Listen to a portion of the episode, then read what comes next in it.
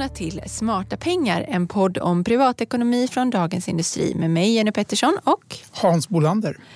Hans, det här blir ju faktiskt vår sista podd innan sommaruppehållet, eller hur? Vi har ju snart semester du och jag. Ja. vi, ska gå lite, vi har lite olika Lite semester kan man säga. ja. Ja, ja, men så är det. Då lyssnarna får eh, ge sig till tåls helt enkelt. Ja, eh, jag checkar ut först. eh, Men kommer sen tillbaka och jobbar mitt i sommaren, men inte då med någon podd. Du, vi ska lyfta några saker idag inom området privatekonomi som är på tapeten just nu. Eh, till exempel skatteåterbäringen som ju eh, betalas ut den här veckan för väldigt många människor. Och så ska vi prata lite om presenter och om att flytta sin pensionsförsäkring. När och Ja, när ska man göra det helt enkelt? När Just är det en det, bra för idé? det blir en lagändring här från 1 Ja, juli. precis. För det är ett drag som faktiskt kan ge flera hundratusen kronor mer i pension. Men det är lite klurigt, så det ska vi gå igenom också. Men det tänkte vi börja med det här med skatteåterbäring. För det är ju så att de som inte deklarerade sådär supertidigt, alltså digitalt, där väldigt, redan i mars var det väl? Ja, för de kunde ju få För tidigt. de, man fick ju, de, de fick ju inklusive, där, där ingick jag pengar redan innan påsk där i april. Men om man inte gjorde det utan väntade då till 2 maj, kanske därför att man skulle göra ändringar i sin deklaration eller att man deklarerade på papper. De eh, som gjorde det och då eh, hade rätt till någon form av eh, återbäring eh, får det den här veckan. Utbetalningarna pågår nu. Och totalt är det 28 miljarder kronor som 2,7 miljoner personer ska dela på. Och om man delar det eh, om man tar fram ett snitt på det då, så blir det ungefär 10 400 kronor. Sen så är det ju så att en del kanske bara får tillbaka någon hundralapp och några får tillbaka väldigt, väldigt mycket mer. Men snittet 10 000. Jag nådde 400 inte upp till snittet. Du nådde inte upp, inte jag heller riktigt Nej, faktiskt. Nej, det får man leva med. man får leva med det. Men säg att du hade fått snittet Hans. Om du hade fått drygt 10 000 kronor i handen den här veckan. Vad skulle du göra med pengarna då? Ja, då... Det skulle ju vara som manna från himlen, tänker du? Ja, men det, Som Skatteverket. ja, Mina egna pengar. Men, eh, Ja, men det är pengar man kanske inte har tänkt så mycket på det nej, men så är det senaste året. Absolut. Nej, men 10 000, jag tror absolut att det blir många hål att stoppa i under sommaren. Man kanske skulle skänka en liten del till Ukraina, någon form av hjälpverksamhet till Ukraina. Det är ständigt aktuellt och hemskt. Och eh, sen, eh, det blir väldigt mycket ökade utgifter för de allra flesta i sommar. Är det inte eh, bil och resor så är det inflation och restaurangutgifter och så blir det lite dyrare än normalt med semester helt enkelt. Så de där pengarna kommer nog gå till det och det kan ju vara bra beroende på vad man har för utgift. Har du massa barn som ställer efter och ska ha glass hela tiden till exempel, då bara rusar ju hundralapparna iväg. Man kanske får begränsa glasskontot i år när inflationen är så hög. men, men, och också för barnens tänder eh, skull. Men, men, nej, men jag tror som du att det är, många kommer väl använda de här pengarna till semestrarna helt enkelt. Och eh, det kan komma mycket väl till pass, särskilt ett sånt här år. Men om man nu inte gör det, om man inte har behov av dem till Ja, har semestern. du någon plan för det? Eh, Då hade jag satt in dem eh, på mitt ISK eh, helt Ja. enkelt. I, eh, eh, kanske jämnt fördelat eh, på de fonderna som jag redan har där. Där en eh, global fond är den eh, största. Ja. Största innehavet. Så det hade jag nog gjort i så fall. Och det är ju spännande nu för vi vet ju inte, ser vi någon vändning här nu? Börsen har ju faktiskt gått, Stockholmsbörsen har ju gått upp ganska mycket senaste veckorna bara ja, det har den gjort. från den absoluta botten som vi hade tidigare under våren. Så det är, det är en spännande tid. Vi skrev idag i tidningen också om eh, faktorer för verkstadsbolagen, att det ser lite bättre ut med halvledarbrist och frakter och sådär så att det kan bli ett annat scenario andra, kvartal, eh, andra halvåret i år. Samtidigt så har vi ju eh, kanske lite lågkonjunktur runt hörnet och sådär med och stigande räntor påverkar och så. Så det är ett spännande, spännande läge. Men om jag inte behövde pengarna så skulle jag sätta in dem där. Mm, det hänger ju väldigt mycket på inflationen naturligtvis också. Om den biter sig fast på höga nivåer då blir det jättesvårt för centralbankerna att inte fortsätta ganska aggressivt med räntehöjningar och det kommer ju drabba börsen. Men det vet vi inte. Det vet vi inte, men långsiktigt sparande är ju alltid bra. Och om man tänker då att de här 10 000 är någonting man inte behöver in, in, alltså, utöver att man år. inte behöver dem Nej. i sommar så kanske man inte behöver dem närmaste året heller. Då hade jag gjort det. Fast det är klart att har man en buffert man kanske behöver fylla på eller eh, sådär, då, då är det kanske bra att sätta in dem där. Ja, Alltså precis. Mm. den här kortsiktiga bufferten man ska ha såklart. Den kanske också behöver fyllas på. eh, Ett för par många. månadslöner är det ju många som pratar om. Ja, och om man buffert. eh, har varit och nallat på den på senare tid så kan ju det vara bra att eh, helt enkelt komma upp i rätt nivå på den igen. Så det finns många möjligheter för de här pengarna. Ja, Du, en annan sak som man eh, kan behöva pengar till nu det är presenter för det är ju examenstider. Det är studenter och det är även andra som tar, som man, man går ut Ja, universitet, högskola. högskola, Ja, mm. och sådär. Kanske på väg ut i yrkeslivet. Eh, st- Stor, stor eh, dag för många här kring den här tiden. Och om man då ska köpa en present till någon som till exempel tar studenten då eh, och vill ge något, liksom en framtidspresent. Vad tycker du att man ska ge då Hans? Om du tänker lite framtid som jag tror många studenter kanske tycker är lite tråkigt så är det ju att ge aktier eller fonder. Jag var på en konferens igår så var det någon som intill mig som pratade om det här studentexamen. Så jag gjorde en liten gallup och frågade dem vad. Och då, den stora grejen i deras kretsar eh, verkar vara att ge kökssaker, typ så här pepparkvarn, kastruller, glas och sånt där. Och det är ju bra för att är man student så kanske man snart ska flytta hemifrån. Exakt. Så.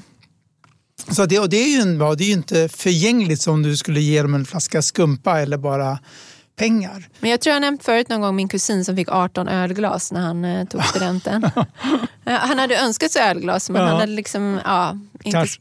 inte styrt upp det. Det var inte liksom uppstyrt. Så att, eh, Nej, det var väldigt många som kom. i ölglas Det var väldigt många som kom med ölglas. Men jag frågade, jag sa du får jättegärna lämna tillbaka och ta något annat som Ja. du behöver bättre. Han fick faktiskt också salt och pepparkvarn av, Ja, okej. av, av mig och min syster. Men, eh, nej, men han tyckte att alla de här ölglasen var fina och så. Jag, han, jag faktiskt, eh, han bor i en studentlägenhet i Uppsala nu som ju, ju inte är så stor. Ja. Så jag undrar om alla de där 18 ölglasen finns där eller om han, han kanske byter varje år eller ja, vad, vad vet jag. Men eh, den risken finns ju. Men absolut, saker, saker till en ny... Eh, till, för att flytta hemifrån är ju, är ju väldigt bra. ja, det är. Men vad tänker du om du skulle ge aktier eller fonder? Vad, har du något bra förslag? Jag tänker för att risken är ju just att det blir 18 ölglas och då kanske man ska sticka ut och ge någonting helt annat också. Eh, och då tycker jag också att det är spännande då det här med aktier och så. Det kan ju kanske vara en liten, liten eh, liksom trygghet till att Ja, skapa ett precis. sparintresse. Eh, och eh, då tänker jag, det är ju väldigt olika såklart vad man köper present för. Eh, Alltså det beror på hur närstående man är och vilken, vilken ekonomi man har såklart. Men om vi säger att man skulle köpa för tusen kronor, inte helt orimligt kanske. Nej. Eh, så är det ju, antingen kan man, man kan ju tänka lite olika. Kanske är det så att det redan finns ett eh, sparande, ett långsiktigt sparande som den här personen har haft sedan tidigare. Kanske föräldrar har sparat och så. Då kan man ju fråga om det och så kan man säga, har ni ett ISK eller något så kan man ju sätta in på det och så Ja. kan man skriva ett Mm. kort att ju nu har jag bidragit till, ditt framtida, till din framtida bostadsrätt. Eller vad, Ja, eller men vad, exakt. liksom lite det här var halvdörren. Ja, precis. Eller halmmattan. Ja. Ja. Eh, så, eh, det, så det skulle man ju kunna göra. Om inte något sånt redan finns och, så skulle man ju då kunna köpa några enskilda aktier också. Men, och då är det ju väldigt roligt för det är ju väldigt olika vad man får för tusen kronor. Alltså, Ja, ja. Beroende på bolag då. Så i, Astra till exempel så får du ju inte en, ens en aktie för den kostar över tusen kronor. Ja, En ja, aktie. Ja. Men eh, ska du köpa aktier i SAS? Ja, hur många får man då Hans? Ska vi Ja, räkna men du på får det? Ett hundratals. Det ligger under, Ja, ganska många eh, får Men- man. Ja. Jag har inte följt med Ja, men jättenoga några kursen, men det ligger väl under 10 spänn? Ja, men den ligger ju under en spänn. Den ligger ju... en krona? Ja, ja, den, den räknas i öre nu. Ja, men då är det man kallar frimärksaktier förr Ja, frimärksaktie. Ehm, och det är klart, även om man då skulle få tusen aktier eller till och med lite mer Ja. så skulle jag inte rekommendera SAS i nuläget. Nej. Faktiskt, för att eh, det finns ju viss risk för att bolaget går i konkurs. Ja, exakt. Och det känns inte några större förhoppningar om att en fantastisk eh, Utveckling utveckling närmsta, korten, senaste, nej. närmsta åren. Om de då ska ta in då som de vill göra 30 miljarder i nytt kapital så Mm. blir det ju en ganska stor utspädning av befintligt ägande också. Så, att, så att de där, det, det skulle jag inte rekommendera. Men vad jag kanske skulle säga att antingen välja någonting som den här personen är specifikt intresserad av. Eh, om det nu är dataspel eller någonting sånt. Kanske i något sånt bolag. Kanske Ja. inte just idag eh, när vi spelar in det här. Kanske hade inte hade valt Embracer eh, som ju då tar in massa pengar i nyemission eh, från den saudiska staten. Det tycker jag känns lite inte helt fräscht. Men, eh, så jag, jag kanske inte hade valt just det bolaget men det finns ju andra dataspels, eller spelbolag. Eh, Så, eh, men om man inte har ett specialintresse av någonting så tycker jag att investmentbolag är ju en väldigt bra säga, första Jag tycker det är aktie. klockrent. Ja, ja. Jag tycker det är Du klockrent får en också. bra ri- riskspridning. Till skillnad från en aktie i ett enskilt bolag så får man ju med ett investmentbolag eh, små, på, små delar i väldigt många olika bolag som ju är, ger en riskspridning i, i, liksom, lite på samma sätt som en Sverigefond eller, eller så. Exakt. Och du slipper en fondavgift. Du slipper fondavgiften. Eh, Och då skulle man till exempel för, för, för 1000 kronor får man ungefär fem Investor-aktier. Okej. Ja. Eh, då får man till och med lite över så det räcker till blommor kanske. Eh, så, Eller så plockar du några gratis ja, i det kan man också naturen. göra. Det kan man Om också de göra. inte är fridlysta. Ja, men så det skulle jag, jag skulle, det, alltså Investor är klassiker eh, Ja. som liksom stått stadigt i många år. Ja, det, det tror jag är en Eh. fantastisk investering på just så här 20 års sikt. Liksom. Ja, så det, så det hade jag nog valt. Men om du skulle välja en aktie, aktie hur skulle du tänka? Jag, jag skulle tänka så här, jag har ett råd. Det är om du ger till syskon eller om du ger några ungdomar samtidigt, köp inte olika aktier. Jag vet, jag har hört av kompisar har gjort detta. Mycket bra råd! Ja. Mycket bra råd! För då har de fått se, en fick typ Ericsson och en fick något annat. Åh, och de uttrycktes åh. helt olika. Så det slutade med att för att det inte skulle bli för mycket missa med familjen fick man ju den, fick skjuta till pengar till den som hade fått aktien som gick dåligt. Så det var ingen bra idé alls. Utan köp samma aktier eller samma fond eller något. Om det är till några syskon. Det kan vara bekantskapskrets var som helst. Annars kan det bli lite surt. Ja, det är lite, lite samma sak som att man inte kanske ska ge bort trisslotter. Eh, Nej, exakt. eh, för tänk om en väl vinner fem miljoner och den andra Ja. får en nitlott. då får man ska ha en förpliktelse att skriva på Ja, att, att, att man ska delar. de, dela på eventuella vinster. Och det verkar Så. lite tråkigt att ta dit en jurist vid, när man ska lämna över studentexamen. Eh, ja, nej, men det är intressant det där, för det, det tror jag att vi har tagit upp någon gång med barnspar generellt. Att det kanske inte är så att man ska ha två olika ISK för sina barn. Ett Nej. som heter Anna och ett som heter Peter. Utan man kanske ska ha ett där man spar, helt enkelt bara sparar till barnen. Och så för risken är ju att man sparar, man sätter in vid olika man börjar sparandet Ja, vid olika ja, tidpunkter, man sätter in vid olika tidpunkter. Eh, och, så, och då kan utfallet bli väldigt olika. Så att det kan vara bättre att säga att vi har den här potten och ur den kommer ni få lika mycket. Eller att man, om det skiljer väldigt många år mellan barnen så skulle det kunna vara att ja, men vi, vi står för konstantinsatsen på en lägenhet som är eh, liksom motsvarar det här. Alltså man sätter upp lite liksom, någon ram för, för Ja. vad det ska vara för typ av... Alltså något, något sånt, Exakt. tänker jag. Det är lite på samma, på samma linje. Ja. Och, och sen kommer jag nu, just nu kommer jag gå emot min egen linje om att ge att det vore kul att fonder är bra. För vi ska iväg på en studentexamen. Men den här eh, personen ska iväg på ett stipendium till USA. Och då tänker jag cash is king. Det är väldigt dyrt att bo borta i USA. Så i det här ja, fallet inte det, minst när dollarn står i... eh, Exakt. Så i det här nästan- fallet får det nog bli som på maffiafilmerna med ett kuvert med sedlar. Okej, har du gått igenom Finansinspektionens penningtvättskontroll? Ja, jag får hålla mig till en summa som inte blir aktuellt. Då. Vad bra. Nej, det, det är också en klassiker. Eh, det var också vad min, eh, min son som in, inte är så stor, men vi ska ju åka till eh, Storbritannien och Frankrike på semester. Ja, så när, nu när han fick present av min mormor, då fick han lite pund och lite euro. Jättebra, så att han ska kunna eh, köpa glass och sånt eh, på, på egen hand när vi, när vi är borta. Ja. Det är också en jättebra present. Så. Eh, Men som är lite roligare då än att bara få i svenska Ja, pengar. men precis. Man, man har ändå tänkt ett steg Ja, längre ja. då. Ja, så det finns lite olika möjligheter men vill man satsa på en framtidspresent så tänk rättvist Ja. och eh, smart. Köp inte SAS. Vi går över till ämnet pensioner.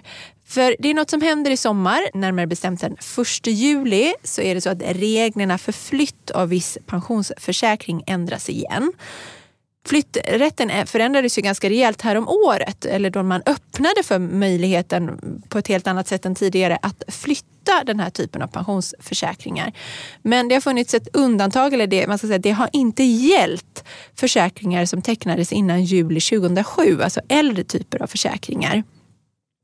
Och, eh, det, då är det så faktiskt så att en del äldre försäkringar har ändå haft flytträtt i sina avtal men många har inte haft det. Och jag såg på regeringens eh, hemsida att det är cirka 1,4 miljoner individuella fond och depåförsäkringar som tecknades före 1 juli 2007. Ja.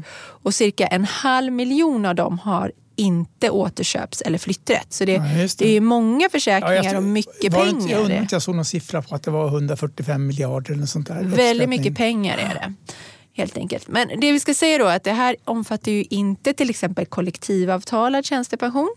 Den kan man ju flytta men bara inom ramen för de upphandlade alternativ Exakt. som finns i det kollektivområde man, man ingår i. Eh, och de får man ju ändå säga, där är avtalen generellt sett ganska bra. Ja, det är de ju. För att det är det är Ja. upphandlade lösningar med rabatterade avgifter Jag tittade på avgifterna i deras entréfonder ligger ju kring mellan 0,1 Alltså nå- nå- någonstans strax under 0,1 procent eller upp till 0,2 procent för deras standardfonder, vilket ju är extremt lågt.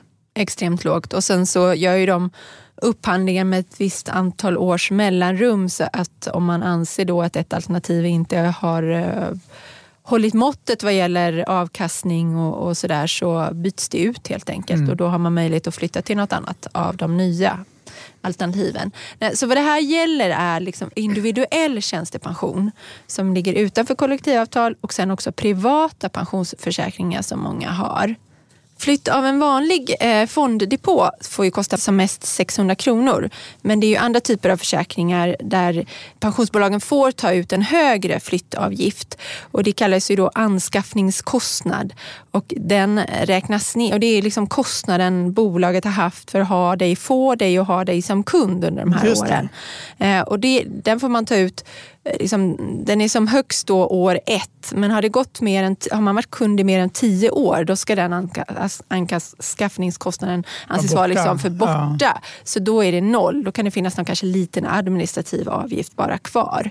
Ehm, Så, så då, och så sen finns det också ofta, alla bolag har ju då olika hur de beräknar den här anskaffningskostnaden.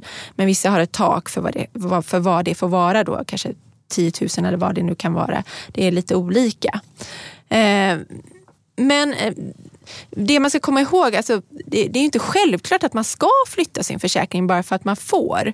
Och det finns fortfarande några hinder. Det är fortfarande så att även om man nu, det öppnas nu att, att det blir tillåtet så måste du fortfarande ha en underskrift från din eh, Ja, arbetsgivare. men exakt. ju. Eh, och Det- eh, de flesta har nog inga problem med det men det kan ju vara så att din arbetsgivare fortfarande har någon slags avtal, någon helhetslösning som gör att den säger nej till det. Sen så gäller det här också försäkringar där, som är, där det inte fortfarande pågår inbetalningar utan det ska ju vara så kallade fribrev eh, så, som liksom ligger eh, passivt. Då. Eh, så de, det, det är de möjligheterna som finns där. Eh, Men som sagt så är det inte självklart att även om man har möjlighet att flytta att man ska det. När tycker du man ska flytta Hans? Ja, som du säger, man måste ju kolla noga för du ska ju också titta på, du ska flytta framför allt om du kan få lägre avgifter och det verkar vara en lika bra produkt. Du ska också se om du har Många kan ha olika typer av återbetalningsskydd eller familjeskydd. garantier. Ja, garantier eller skydd som finns i försäkringen A som du har då säger vi. Men som kanske inte finns i försäkringen B. Som någon. Och så ska man ju vara vaksam på vem är det som vill att du ska flytta. För att det är ju, det är, det finns ju fortfarande en möjlighet att ta ut provisioner på det här eller att ett bolag som vill få många till sig kan ju betala för att få, och då är det fria aktörer, det kan vara försäkringsmäklare och liknande som ringer runt eller på olika sätt försöker hitta. Det var ju så som vi har sett i premiepensionen har ju det ja. varit ett problem under många år. Ett problem som delvis har försvunnit nu men, men, men med, de, med mycket av de nya reglerna och sådär. Men eh, det finns ju, liksom, det här ska ju, om någon approchera dig med det här förslaget så måste du ju verkligen utvärdera det ordentligt. Exakt. Hur ser min försäkring som jag har nu ut? För det är ju väldigt få som har koll på det. Och hur ser det ut dit de vill att jag ska flytta? Sen kan man säga att banker har också traditionellt velat säga ja, men ska du ha eh, lägre bolåneränta då ska du ha tjänstepension hos oss till exempel. Ja. Det ska ju också finnas med i en sån. Det kan det finnas men då, det man ska ha koll på är ju, för det, alltså fondavgifterna är ju en sak och, och, och, där kan det ju finnas både billiga och dyra lösningar och det är klart att det ska man ju ha koll på. Där kan man ju kanske också byta inom sin befintliga lösning. Alltså att ja. De kanske har ja. rekommenderat dig en fond som kostar 1,5 procent fast om man tittar lite så ser man att de har lika bra eller bättre fonder snarare som kanske bara kostar 0,3 eller någonting. Så det ska man ju alltid ha koll på, på, på det stället. Det kan ju vara det faktiskt det första steget att kolla om man kan förbättra sin försäkring på något sätt där man är. Ja. Men sen är det ju de här skalavgifterna och de syns inte lika tydligt och redovisas Nej. inte lika tydligt. Eh, och den kan vara från noll till upp till eh, ja, 0,5 eller 1 procentenheter eller procent på kapitalet varje år. Eh, och det, över tid är det ju de som blir väldigt mycket pengar. Ja. Och, och, om du då någon försöker sälja på dig en ny lösning så kan det hända att det finns sådana där avgifter som, som de kanske inte är det första de presenterar nej, för nej, dig. Men exakt. Men, så det ska man ju kolla, vad har jag i min nuvarande för skalavgifter? Alltså avgifter utöver själva fondavgifterna. Och vad är det här nya då? Vad skulle det innebära i avgifter? Mm. Ja, nej, så det, det, är jätteviktigt. Och jag tittar bara på det, de som ganska aggressivt jagar att få in den här typen av pensionssparande. Eh, och det är inget fel i det. det eh, att de jagar, att vi, jag vill ha konkurrens på marknaden, det är bra. Men, eh, men det är ju till exempel de här nätmäklarna som Nordnet och Avanza. Och då tittar man på deras standardfonder för en tjänstepension som kommer in. ligger på, Det är oftast en, det är blandfonder med kanske 75% aktier och 25 räntor. Bara det ska man kolla. Ja, vill jag ha det eller är man ung så kanske man vill ha 100 aktier. Det är ingen bra lösning om man är ung. Nej, exakt. Och, då, sen så, och där ligger avgifterna på 0,7 procent ungefär om året. Eh, vilket är relativt billigt men det finns ju indexfonder som kostar 0,2 så till exempel. Som är billiga. Så det är inte billigast och det kanske inte passar allt. Men det är bara bra att veta. När man får deras standardlösning så kanske inte den passar dig heller. Och du ja, för kanske... de slår ju mycket på stora trumman. Om, om, ja, ja, de har ju varit, speciellt har fått... Nordnet har ju varit otroligt eh, ute i den här debatten verkligen. Ja, ja visst. Så de, och sen är det ju så att om du är äldre, så här 50 eller 60 år eller därutöver, då kanske du inte vill ha 75 procent aktier, då kanske du vill ha mycket lägre. Och jag tittar på i år till exempel, då, deras så här standardfonder som de erbjuder, de har ju gått ner med cirka 10 procent i år. Men för den som är 60-60 plus och vill ha, de kanske vill hellre ha 50-50 räntor, aktier eller liknande. Så, att, men, så det är samma sak där. Kolla också vilken typ av fond erbjuder de som standard om du inte själv då. Men som du förespråkar är det bästa att man är aktiv och kollar. Mm. Sen eh, är det ju lite beroende på vilken ålder. Nu sa du om man är 50-60 vill man kanske inte ha så mycket aktier. Det kan ju också vara en fråga om huruvida det är som värt att byta eller inte. För det är ju fortfarande ja. en kostnad för att byta då. Eh, och eh, då får man ju tänka, ha, kommer jag tjäna så mycket på det här bytet att det är värt den, den kostnaden som trots allt fortfarande finns kvar? Och den blir ju effekten blir ju liksom mindre ju äldre man är. Eh, men är man liksom tidigt i sitt yrkesliv då kan det ju verkligen finnas eh, stora ja, vinster att göra. Men, ja, men om, man är, om man redan är kanske på väg att gå i pension eller har gått i pension så är den vinsten inte lika självklar. Samtidigt ska ju pensionskapitalet förvaltas kanske i 20 år till ja. från att du delar av kapitalet i alla fall. Så att även när man har gått i pension så, så finns det ju en stor mm, vikt eller stor betydelse i att titta på, på alla de här faktorerna och titta på avgiften och så. en sak till kom jag på. Eh, det är ju det här med när man har många fribrev som är väldigt låg, låg Ja. summa. Det kan ju vara ett bra, ett bra tillfälle att flytta ihop för, förutsatt då att avgiften inte blir så hög att, att det inte är rimligt i förhållande till försäkringens storlek. Men Då finns det ett visst belopp fast man kan... Ja, det finns ihop. ju ett, eh, alltså ett prisbasbeloppet är det väl. Alltså, är det så att de är under ungefär 50 000 kronor, då kan man faktiskt flytta dem helt utan avgift. Och det kan ju verkligen vara mest praktiskt. Alltså, Ja. eh, ur ett prakt, för det kan ju vara svårt. Du kanske har, genom ditt yrkesliv har du ströjobbat lite här, du jobbar något år där och så. Eh, och, och har så här små potter på en 20 000, 30 000 sådär. Och det kan ju vara svårt att få överblick och också svårt sen när man ska ta ut det och så, liksom ha alla de här att laborera med. Så om man då kan lägga ihop dem till en, det kan ju göra livet lite enklare helt enkelt. Så att, eh, det är en bra fördel. Fast det, det är, eh, ja, att, att titta på det. Det, jag kollade faktiskt. Eh, jag har en pension som, om jag går i pension om ett par år då, som jag räknar med, då ska jag en pension som jag kommer få 75 kronor i månaden.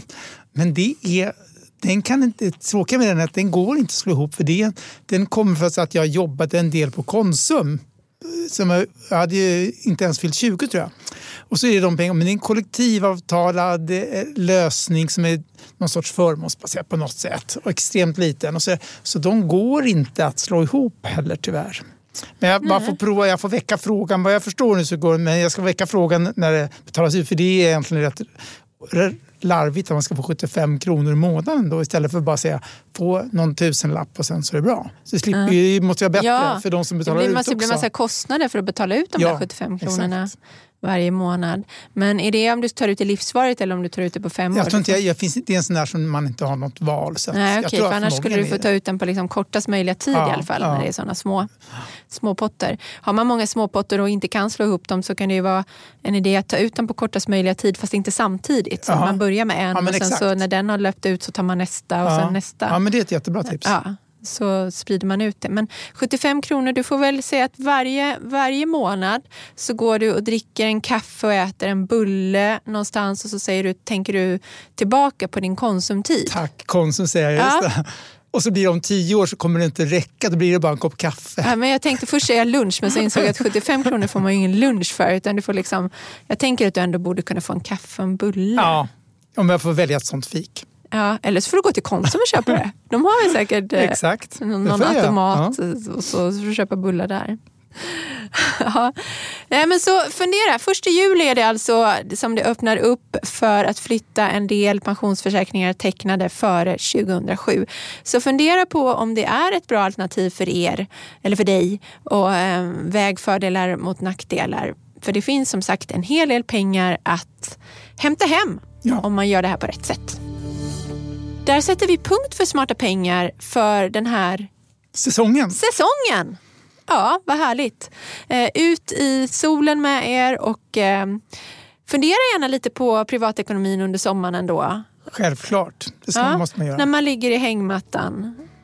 Och så kommer vi komma tillbaka efter semestrarna och efter ledigheterna med en sån här rivstart inför hösten med allt man ska tänka på och vad som har hänt med inflation och räntor och börs och allting. Det blir Så att- jättespännande. så att, ni, ja, så att alla som lyssnar ska känna sig riktigt, riktigt liksom uppdaterade inför hösten. Trevlig sommar hörni! Trevlig sommar. Du har hört Smarta pengar, en podcast från Dagens Industri. Podden redigerades av Umami Produktion. Ansvarig utgivare Peter Fällman. Lyssna gärna på DIs andra poddar. Digitalpodden, Analyspodden, Morgonkoll, Makrorådet och DIs ledarpodd finns där poddar finns. Tack för att du lyssnar.